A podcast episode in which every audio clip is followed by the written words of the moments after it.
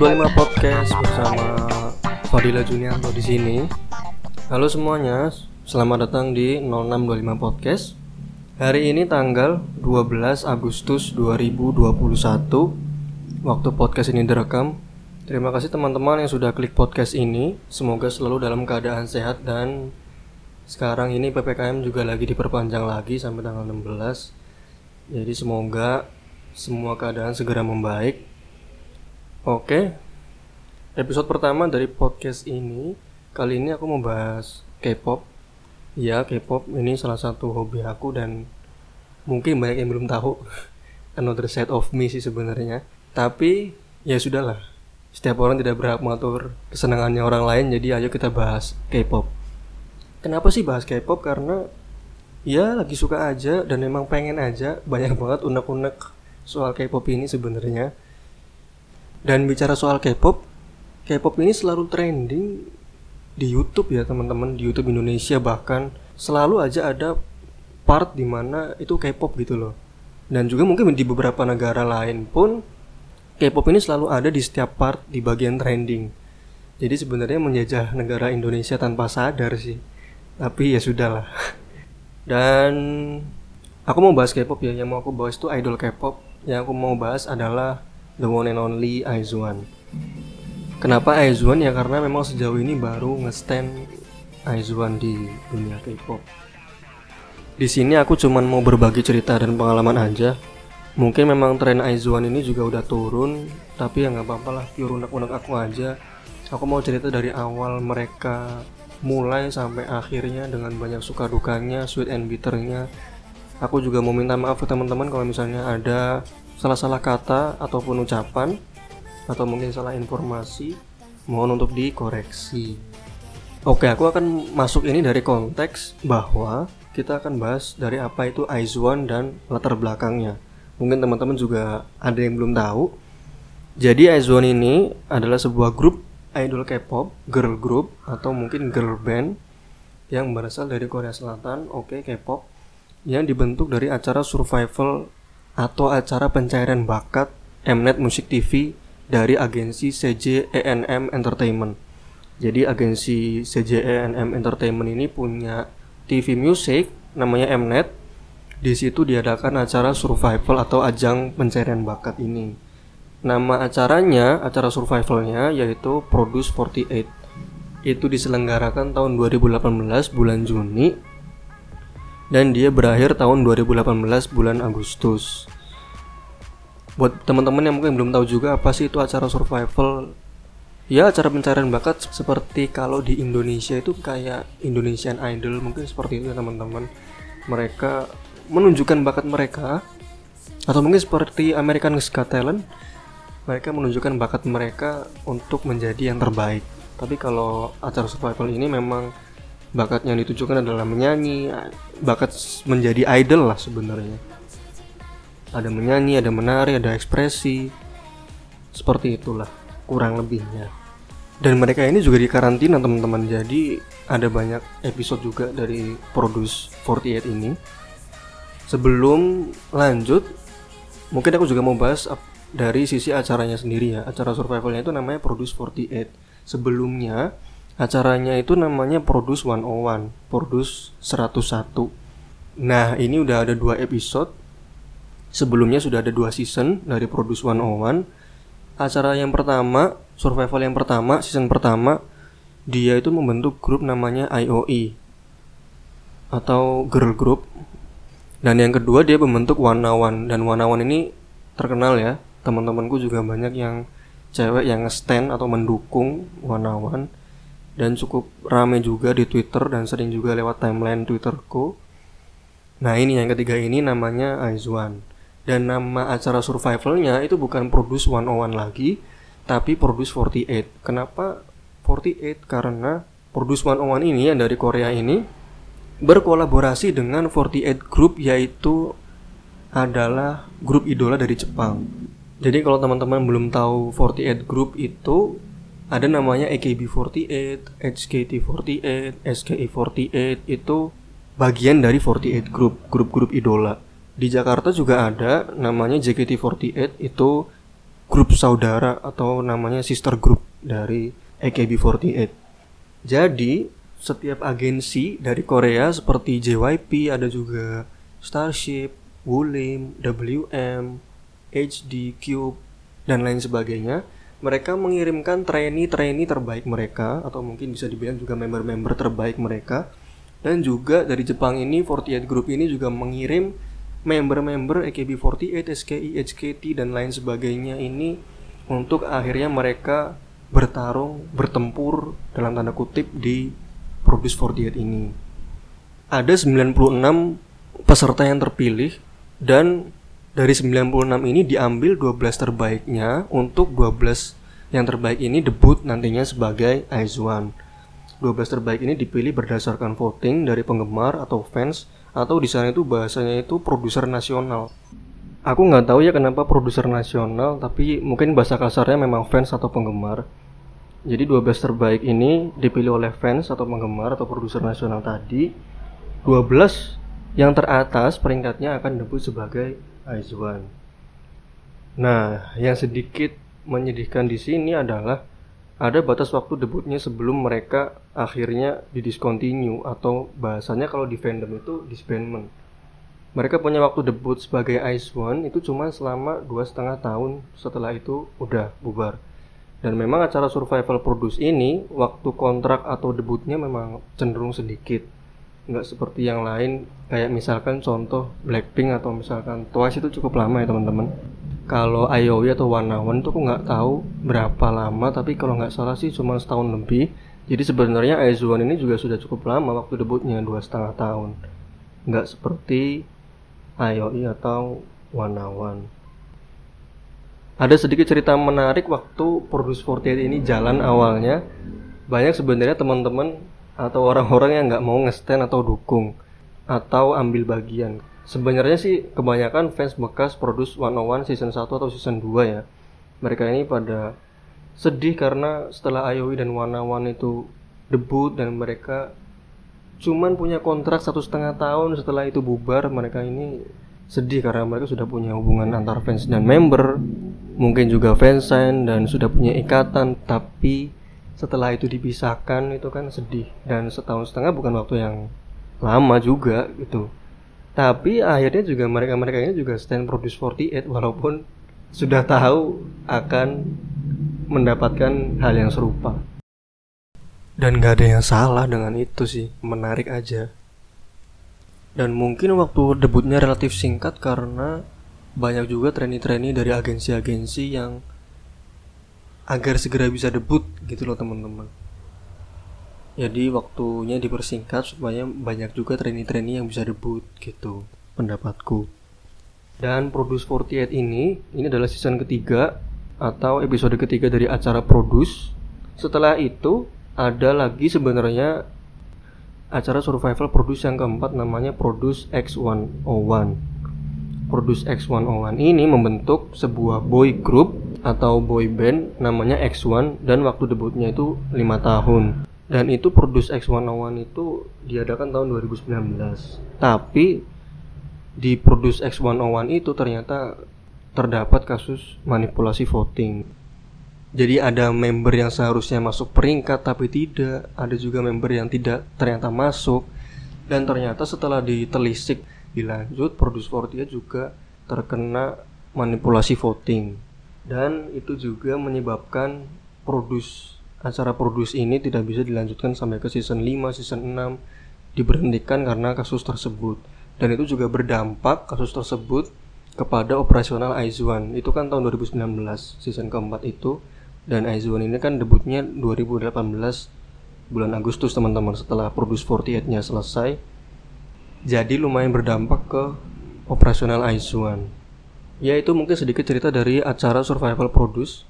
Setelah Produce 48 berakhir, debutlah 12 member Aizuan dari 12 peringkat teratas.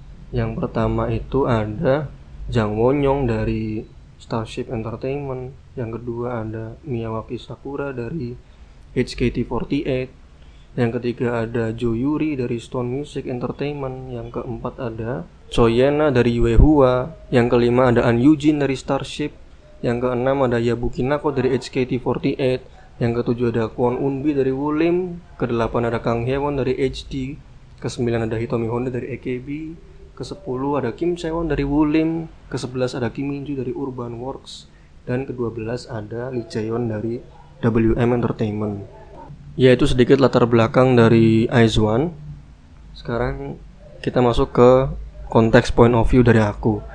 Kalau dari aku sebenarnya aku udah tahu Produce 48 itu tuh dari lama.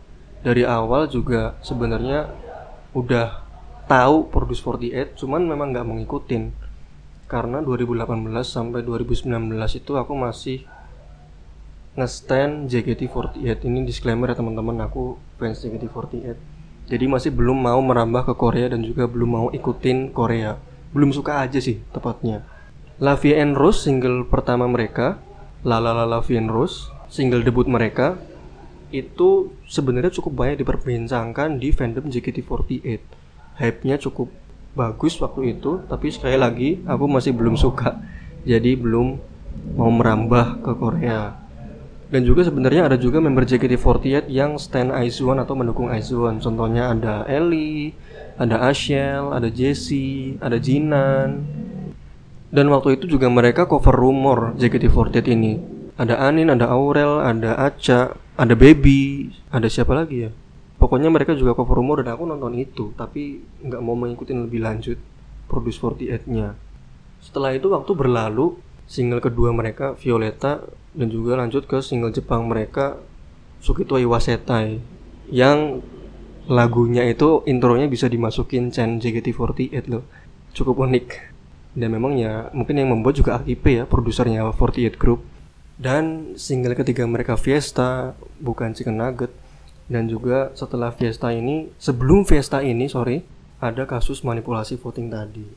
Aku nggak mau membahas uh, dari sisi membernya aku cuman mau membahas konteks dari manipulasi voting ini berdampak ke Aizwan dan itu jadi berdampaknya itu Hamin 7 sebelum single ketiga mereka itu ternyata ada kasus tersebut dan itu berdampak kepada Aizwan yaitu mereka harus divakumkan tiga bulan dari kegiatan mereka. Cukup sedih sih sebenarnya. Dan dipangkas juga sebenarnya waktu debut mereka yang tadinya dua setengah tahun jadi cuma 2,2 dua tahun dua bulan. Dan aku nggak tahu ya selama tiga bulan itu apakah mereka sama sekali nggak ada kegiatan atau enggak, tapi kurang lebih tiga bulan mereka divakumkan. Dan itu bukan salah membernya, tapi memang sedih sekali jujur. Itu sedikit konteksnya. Setelah itu, nah ini single keempat mereka yaitu Secret Story of the Swan atau SSOTS. Ini awal mula aku suka sama Aizwan. Aku mau bicara ini dari konteks orang yang tabu yang baru masuk ke dunia K-pop ya teman-teman. Oke cerita dulu deh waktu itu lagi scrolling Instagram bagian explore. Waktu itu nemu dance cover Secret Story of the Swan punyanya Devi Ningtara itu adalah ex member JKT48 generasi keempat. Terima kasih Devi sudah membuat saya membuka jalan untuk saya stand Aizwan. Aku waktu nonton video itu first impressionnya bukan ke dance-nya tapi ke lagunya. Waktu itu dia cover, dia mulai covernya itu dari bait, liriknya Sakura, liriknya yang uri duri duri duri mandun bimil bimil bimil itu musik dropnya bagus. Dan juga waktu itu aku lagi suka sama musik EDM ini lagu Korea yang cukup menarik apa nih gitu. Dan setelah itu mulai nyari Aizwan lewat YouTube. Waktu itu nyari musik MV-nya Secret Story of the Swan dan nontonlah MV-nya first impresinya konsep mereka itu kan fairy tale ya di Secret Story of the Swan itu. Memang bagus konsepnya cuman dari MV itu aku nggak begitu suka entah kenapa konsep-konsep fairy tale itu di MV-nya tapi untuk lagu memang bagus. Entah kenapa waktu itu sebagai orang tabu yang masuk dunia baru masuk dunia. K-pop melihat itu tuh kayak terlalu berlebihan aja sebenarnya. Terus dari konteks make up mereka juga cukup menor sebenarnya. Waktu itu pertama kali ngelihat Wonyong itu aku pikir dia yang paling tua. Ternyata setelah nyari biodata tentang Aizwan dia yang paling muda. Cukup kaget sebenarnya. Jadi itu first impression dari Secret Story of the Swan. Pertamanya memang MV-nya tidak terlalu bagus menurutku. Tapi lagunya memang bagus banget. Setelah itu biasalah algoritma YouTube ngarahin ke Lavie and Rose. Nah, waktu ngelihat Lavie and Rose ini keinget waktu hype-nya mereka dulu bahkan sampai ke fandom JKT48. Oh, ini ternyata Lavie and Rose itu dan konsep dari MV-nya itu lebih apa ya general konsep untuk menarik orang-orang awam yang baru masuk ke dunia Korea. Konsepnya itu lebih general, lebih beauty. Dan first impresinya di situ aku mikirnya waktu itu di Secret Story of the Swan Ibonyong yang paling tua tapi ternyata setelah nonton Lavie and Rose oke okay deh ini Eunbi atau Chaeyeon yang paling tua deh dan juga Yewon ini kayaknya yang paling gak ekspresif deh dan nggak masalah juga sih. Tapi kelihatan banget jujur di Lavie and Rose itu memang Yewon yang tidak seekspresif itu. Tapi nggak masalah itu nilainya dia dan nggak ada yang salah juga. Dan juga ada empat member yang sulit aku bedain. Ada Eugene ada Nako Chaewon dan juga Yuri. Mereka ini semuanya pemain depan dan mirip banget apalagi Cewon sama Yuri waktu itu mirip banget nggak tahu kenapa. Susah banget sebagai orang yang tabu ya teman-teman. Baru ngeliat itu pertama kali ini orang kok sama semua gitu. Lagunya bagus dan MV-nya juga bagus. Setelah itu ada kali aku satu minggu dengerin terus lagunya terutama Lavian Rose ya. Dan juga Secret Story of the Swan ya. Setelah mungkin semingguan akhirnya mulai memilih member yang disuka atau bahasa mereka tuh bias. Milihnya itu dari lagi-lagi dari MV Lavie and Rose. Karena waktu itu juga nggak tahu mau mulai dari mana. Yang tadi aku bilang aku nyari biodata mereka dan setelah cukup lama berpikir ya paling 15 menit sih memilih An Eugene nggak tahu kenapa waktu itu dia memang memang paling shining shimmering splendid di MV Lavie and Rose itu. Lucu suaranya bagus dan juga dia masih muda. Dan waktu itu juga aku lagi suka sama member yang poni depan di JKT48 siapa dia? Mutiara Azhara setelah itu mulailah ngikutin Aizwan dan juga nonton beberapa footage video Produce 48 mereka ngikutinnya cuma dari permukaan aja sih sebenarnya ada satu alasan menarik kenapa aku akhirnya stand Aizwan dan ini sepertinya cukup sepertinya alasan yang cukup aneh tapi Aku stun mereka justru karena aku tahu mereka itu nggak akan lama lagi. Dua setengah tahun doang kan setelah itu disbandment kan. Dan Secret Story of the Swan itu kan singlenya kalau nggak Juni, Juli. Jadi kurang lebih ke akhir kontrak mereka itu ya kurang lebih tinggal 9 bulan. Dan menurutku waktu itu ah ya udahlah nggak apa-apa lah Koreaan bentar terus udah selesai nggak mau Koreaan lagi. Cukup aneh ya. Tapi malah sampai sekarang malah susah move on dari mereka bahkan sampai tanggal 12 Agustus ini akhirnya ya udahlah mulai ikutin mereka nonton film live ikutin kegiatan mereka sedikit-sedikit. Cuman nggak sampai yang kayak orang-orang tuh beli merchandise gitu. Aku sih nggak suka ya beli-beli kayak gitu. Emang nggak suka aja. Bahkan di JKT48 pun aku nggak pernah beli merchandise mereka. Kayak nggak suka aja sih. Kalau di Twitter lagi pengen up hashtag ya up hashtag. Se fleksibel itulah ngidolnya. Setelah Secret Story of the Swan masuk ke single mereka Beware dan aku cukup ngikutin lagunya dan juga konsep MV-nya ini cukup bagus beauty beauty gitu. Setelah itu single ke lima mereka yaitu Panorama. Nah Panorama ini emang aku ikutin dari awal perkembangannya dan ini memang MV yang aku tunggu dan juga aku ekspektasiin sih. MV yang aku ikutin perkembangannya dari awal. Dan pas panorama ini emang lagunya enak dan sesuai ekspektasi di awal itu intronya itu bagus banget. Itu nggak tahu instrumen apa sih sebenarnya tapi itu keren banget. Mirip seperti Secret Story of the Swan ya intronya. Memukau lah. Ciri-ciri musik kontemporer yang bagus dan futuristik itu panorama. Dan mini albumnya panorama itu ada single lagi ada beberapa single yaitu ada Mise Scan, ada Oselemio, ada Iceland, ada Slow Journey. Oselemio ini cukup bagus Eugene biasa aku ini timestampnya atau line distributionnya itu di YouTube itu dia yang paling tinggi. Ada juga Slow Journey lagu bikinan Cewon yang adem banget. Pokoknya mini album Panorama dan juga lagu Panorama ini emang bagus sih. Setelah Panorama aku sempat mikir kayaknya memang ini album mereka terakhir karena ke depannya itu kayaknya untuk rilis album lagi itu kayak udah mepet waktunya ke kontrak mereka berakhir gitu. Dan bener aja setelah panorama ini selesai, ada pengumuman konser. Dan sekaligus juga membuatku berpikir bahwa ini kayaknya memang konser yang terakhir. Judul konsernya yaitu The Story dan aku beli bundle konsernya. Jadi konsernya itu dibagi dua hari D1 dan D2 aku beli bundle alias beli dua-duanya. Beberapa hari sebelum konser dikabarkan memang kontrak mereka tidak akan dilanjutkan dan mereka akan tetap disbandment atau bubar. Mendengar dan membaca kabar itu aku sih cukup kecewa karena sebelumnya itu ada beberapa kabar mereka akan diperpanjang. Waktu itu kalau nggak salah Hitomi itu juga bikin SIM Korea. Aku masih ingat kalau nggak salah waktu itu.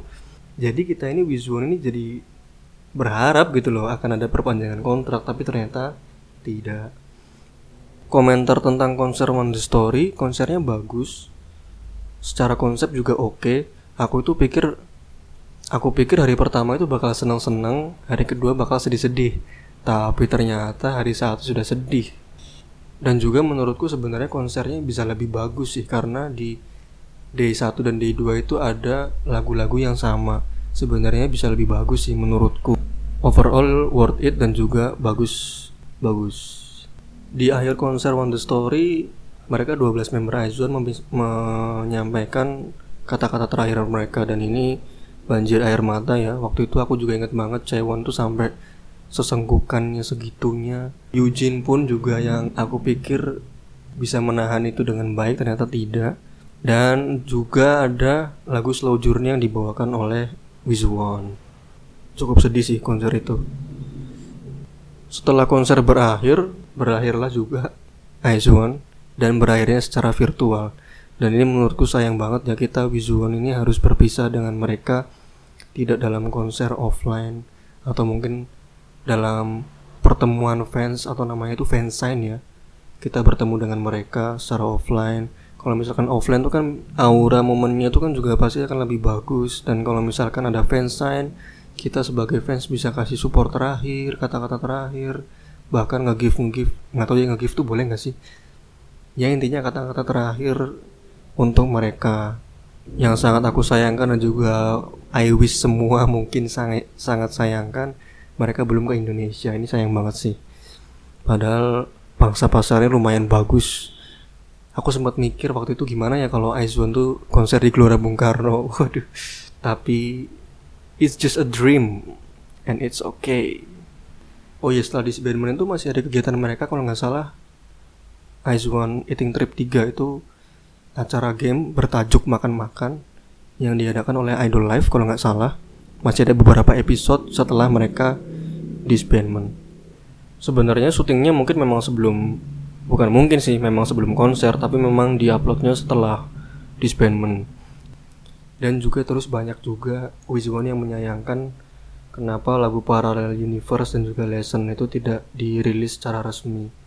Jadi lagu Parallel Universe dan juga Lesson itu itu lagu bikinan kalau Parallel Universe itu bikinan Eunbi Lesson itu bikinan Yena dan itu dinyanyikan di konser terakhir mereka One The Story tadi.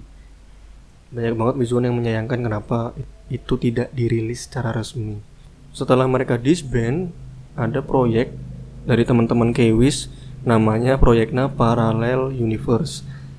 Mereka ini funding, mengumpulkan uang dan juga mencoba dalam tanda kutip melobi agensi-agensi dan juga agensi utama CJNM Entertainment agar Aizwan ini bisa diluncurkan kembali atau diperpanjang kontraknya. Untuk proyek ini komentarku memang waktu itu aku nggak berharap banyak juga. Alasannya karena menimbang-nimbang bahwa kabar sebelumnya itu katanya ada agensi yang menolak lah. Terus katanya CJNM itu stigmanya inilah itulah yang membuat aku dan mungkin juga sebagian besar Wizuwon sedikit terganggu dan juga kayaknya menurutku tuh bakal membuat proyeknya cukup sulit. Dan unfortunately proyeknya tidak berhasil, tapi aku cuma mau menekankan diri aku pribadi penghargaan setinggi-tingginya untuk Kewis yang membuat proyek ini. Aku angkat topi untuk mereka. Aku nggak mengenal kalian teman-teman Kewis, cuman mereka ini berjuang melobi agensi, berkorban waktu, tenaga, uang, bahkan darah mungkin nyawa untuk mempersatukan Aizon itu hal yang sangat luar biasa yang bisa dilakukan. Dan itu adalah bukti bahwa Aizwan is made from Wizwan Wizwan ada juga karena Aizwan dan walaupun tidak berhasil setidaknya kita sudah mencoba dan itu bukti bahwa kita serius pengen mereka ini diperpanjang dan juga punya experience lebih sebagai Aizuan dan menimbang-nimbang juga sebenarnya album mereka ini penjualannya tuh beberapa momen lebih tinggi daripada girl group lainnya. Contoh Blackpink, Twice bahkan streaming lagunya pun kadang-kadang lebih tinggi dari mereka. Bahkan sampai sekarang pun Aizuan masih kalau nggak salah kemarin aku lihat di top chart apa itu masih sering di play dan jadi top 10 lagu panorama ya jadi top 10 di chart apa gitu. Itu membuktikan bahwa iZone ini memang pangsa pasarnya cukup besar dan itu sebuah kesempatan yang harus kita manfaatkan sebesar-besarnya. Tapi memang endingnya berkata lain jadi memang sebenarnya banyak ya dalam tanda kutip ketidakadilan untuk iZone ini mulai dari itu hal tak terduga yaitu covid sampai kita punya stigma negatif gara-gara kasus manipulasi voting. Aku bukan mau menjelek-jelekkan dari itunya cuman despite dari hal itu mereka 12 member ini adalah yang dan sebenarnya 96 peserta Produce 48 waktu itu juga layak untuk debut dan mereka terbaik. Dan itu juga bukan kesalahan dari membernya bukan kesalahan dari Aizwan tapi ya sudahlah kita terima saja stigma negatif itu dalam tanda kutip ya. Banyak lah intinya cobaan buat Aizwan dan juga Wizuwon tapi sejauh ini kita juga bisa melewati itu. Dan aku percaya siapa pun Wizuwon yang dengar ini kalian itu hebat. Bukan sesuatu yang salah stand Aizwan dan we must proud of it. Menurutku seperti itu dan kabar baik dari semua ini, member-member Ice sekarang sudah mulai kelihatan mencapai tujuannya masing-masing. Ada Minju yang MC, Yujin juga nge-MC, Yeon juga banyak job modeling, Sakura modeling. Hampir semuanya sih kalau nggak salah dapat job modeling, Wonyong dan lain sebagainya. Yujin yang terakhir Pepsi kolaborasi sama Messi, luar biasa itu An Yujin supremasi. Bisa sampai kolaborasi sama Messi, men itu aku masih kaget sih sampai sekarang terus juga Eun Bi yang mau solo album Yena juga mau solo album Chaewon juga cover beberapa lagu. Yeon juga katanya mau main drama banyak sekali kegiatan-kegiatan dan proyek-proyek positif dari member-member IZONE ini. Dan kita harus selalu support dan juga grateful akan hal itu. Ya itulah Sweet and Bitter teman-teman. Dan juga aku mau cerita sedikit nih tentang Produce 48 ya. Aku itu baru nonton Produce 48 yang versi fullnya beberapa minggu setelah Aizone itu disbandment karena baru dapat linknya dan perasaannya itu campur aduk. Aku jadi lebih tahu perjuangan mereka dari awal berjuang sampai detik ini. Yang tadinya aku noting tulus kayak nggak terlalu berharap gitu mereka diperpanjang. Bersyukur enggak juga. It is what it is gitu. Tapi dengan nonton Produce Fortet ini aku jadi mikir wah ini dengan perjuangan mereka sejauh ini masa cuma dua setengah tahun sih? Masa cuma masa nggak diperpanjang sih gitu ada beberapa part yang terharu. Contoh misalnya Yewon yang Yewon yang tadinya pemalu sekarang bisa nge-rap. Terus juga Yujin yang turun peringkatnya dan juga beberapa member yang turun peringkatnya. Yena yang jadi center Sakura yang gagal jadi center Cewon yang gagal jadi center Nako yang high tone-nya itu di lagu apa ya? Aku lupa. Bagus banget high tone-nya Minju yang awalnya tidak pede mukanya sekarang bisa jadi Kim Minju Angel punya gelar seperti itu. Dan juga ada Cheon yang dari 16 gagal masuk Produce 48 dia mengerahkan seluruh tenaganya. Sampai pernah keluar dari tim IM dia sampai pernah keluar dari tim IM loh. Dan juga akhirnya dipindahkan ke tim 1000% dan dia smash it up. Dia bisa menampilkan yang terbaik. Menurutku ya memang 96 96 nya memang layak untuk debut. Dan mereka ini punya keunikannya masing-masing. Dan kalau misalkan ya aku stand mereka waktu dari produce mungkin Minju dan Chaeyoung ini memang yang bakal lebih mengambil hati sih. Intinya merebus milih sih nonton Produce 48 ini. Ya itulah sedikit cerita. Nonton malah baru pas sehabis disband. Dan sekarang mereka sudah punya jalannya masing-masing kita harus selalu support dan grateful akan hal itu. Oke itu aja teman-teman terima kasih sudah mendengarkan podcast ini. Satu hal yang perlu aku tekankan, I'm proud to be with one. walaupun ngikutin mereka cuma dari permukaan dan gak lama juga kenangan-kenangan canda tawa mereka ributnya mereka suka duka memori-memori tersebut bakalan tersimpan dan abadi untuk selamanya aku juga mau mengutip sebuah lagu dari Aizwan judulnya Up liriknya dinyanyikan oleh Wonyong yang dalam bahasa Inggrisnya itu write it on the clouds so it won't disappear. Dan kalau di koreografinya itu Yujin nulis di di awang-awang kata-kata Aizwan dan itu menyentuh hati banget sih. Nggak tahu ya sekarang tuh kalau dengerin lagu Aizwan tuh bawaannya memang mood boosting tapi kalau udah mulai baca lirik mereka dan meresapinya bisa jadi merebus mili Oke itu aja teman-teman podcast episode pertama ini Terima kasih yang sudah menonton sampai akhir. Semoga teman-teman selalu diberikan kesehatan. Ku Fadila Junianto FJ pamit. Sampai jumpa di podcast berikutnya. Bye. See you later.